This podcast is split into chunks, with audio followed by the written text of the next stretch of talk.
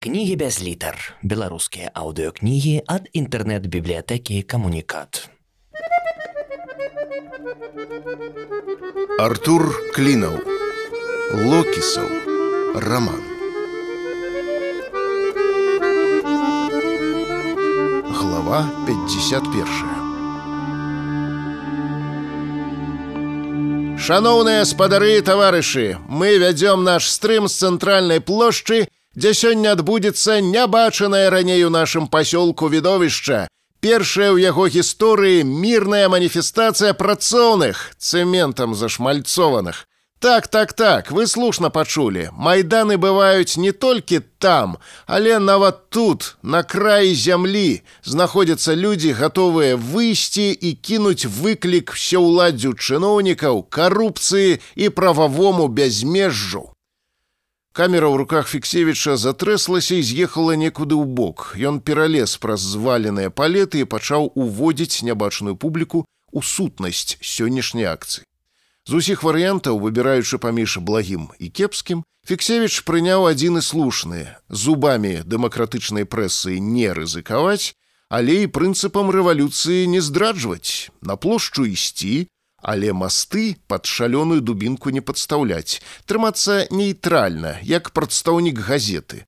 Добра, што рэдакцыйнае пасведчанне ад апошняга папяровага апазіцыйнага выдання ў яго было а для гісторыі і на ўсялякі выпадак для ўласнай бяспекі весці онлайн-трансляцыю для карыстальнікаў фейсбука.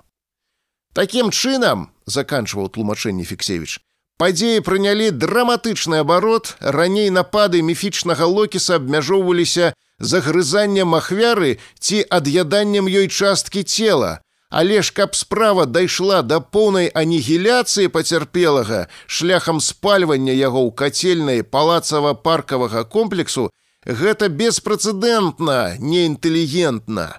Думаю, гэта паказальная расправа над таварышам Бруевічам на руку тым цёмным сілам, якія, прыкрываючыся легендай, спрабуюць скінуць наша грамадству бездань страху. Дарэчы, таварыш а что вы тут робіце? Камера спаўзла ўніз і ўперлася ў рабацягу які ўкладаў у прамерзлы пясок брыкеты каменнай пліткі. Як што працуем! Неахвотна агрызнуўся той але раптам ажывіўшыся дадаў. А можна сказаць вы хочаце нешта паведаміць нашим гледачам калі ласка мы слухаем Дык вось, кажуць, раней локіс гэты жор толькі бюджэтнікаў, такіх простых рабацях, як я, як зінка, і гэта было фірменнае безобраззе. Працуеш, працуеш, я бошыш, я бошыш і вось табе, маеш заместа прэміі. Дык вось, мне тут на днях сказалі, што ад нас рабацях. Цэлую песіцыю яму напісалі, каб перастаў і па справядлівасці, І вось што вы сабе думаеце, дайшло, падзействавала. Вось гэты жа чорт, як его там Бруевіч, якога ў топку засунулі, які ён нахран рабацяга, Ён жа часнік. То памятаю капера ты арганізуе, то шабашыць рассеі, а гэта вам самі разумееце, то ячэйку партыйную усё ходзіць бывала па хатах людзей баламуціць ну добра добра таварыш якое гэта мае дачыненне да справы. У вас ёсць што сказаць па сутнасці? Дык я па сутнасці. Вот вы кажаце локіса няма. А ён жа пачуў. Ён жа па сутнасці нашу пеціцыю ад народа падтрымаў, а вы кажаце, так што таварыш локіс Твар рабацягі ў шчыльную прысунуўся да камеры, так што на экране буйным планам засталіся толькі нос, рот, вусы і няголеная ніжняя сківіца. Калі вы мяне чуеце, мы, простыя людзі, ваш новы курс адабраем. Вы толькі гэта будьце з народам. І калі каго, то па справядлівасці самі знаеце каго. Божа, што вы вярзеце, Ну вось бачыце, Вусы рэзка зніклі з экрана, замест іх з'явілася галава фіксевіча. Якое дзікунства, вось бачыце, чаму патрэбна сённяшняя акцыя. Гэта ж цемрашальства. Людзі не толькі вераць, аднак і гатовыя яго падтрымаць, калі ён будзе адпавядаць іх прынцыпам класавай справядлівасці. Ну ды добра, а мы зноў вяртаемся на плошчу. Камера абярнулася і павольна абвяла панараму. Дык вось яно месца будучага дзейства. Я б нават не пабаяўся гэтага слова містэрыі у яе першапачатковым значэнні сярэднявечнага прадстаўлення на рэлігійныя тэмы з камічнымі сюжэтамі, якое разыгрывалася проста на гарадской плошчы. Божа, якое падабенства! Вось гэтая плошча, вось сярэднявечны храм, вось габрэйскія крамы. Камера з касцёла перабралася на хазмах, затым перайшла да цэнтральнага гастранома.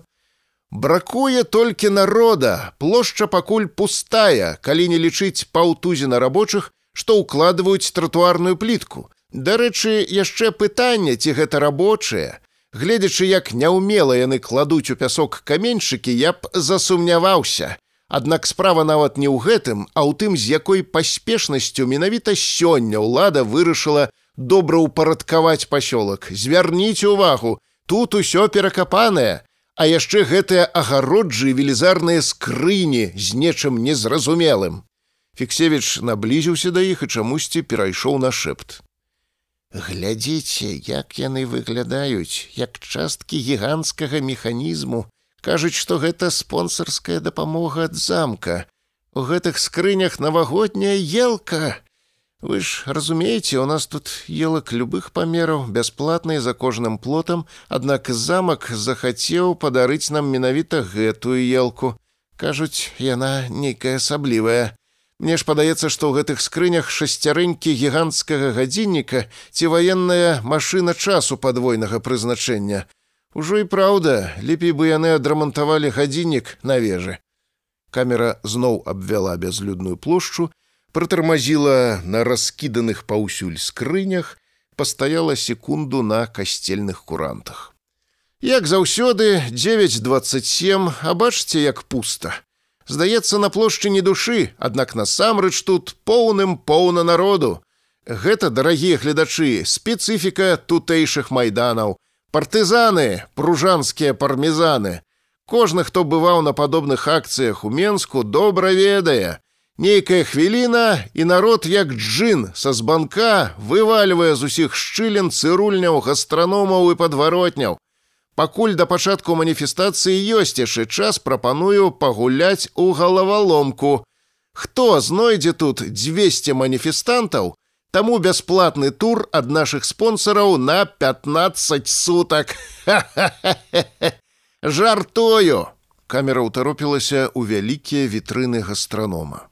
Месца нумар адзін, працягваў Фіксевіч. Цэнтральны гастраном. Вы заўважылі, што распораз яго нехта ўваходзіць, але назад яшчэ ніхто не вярнуўся.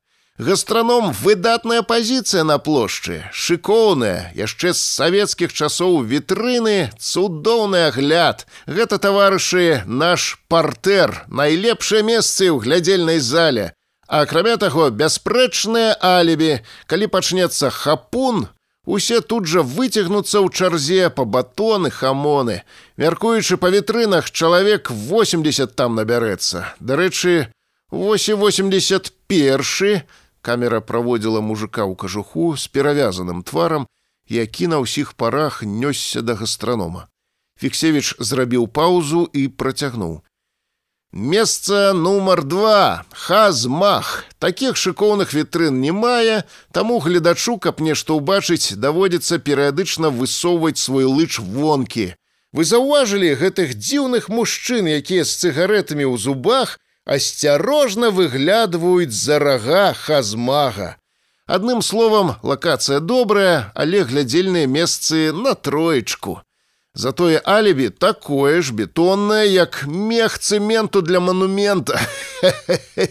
Шутка гумару. Агульная колькасць публікі тут чалавек 30-40. Камера ўзяла сінагогу буйным планам, і сярод курыльшчыкаў можна было разгледзець заклапочаную фізію бярмуды. Далей пошта, цырульня барбішоп, бюро рытуальных паслуг матахары, ателье помнікі, крама каструлька.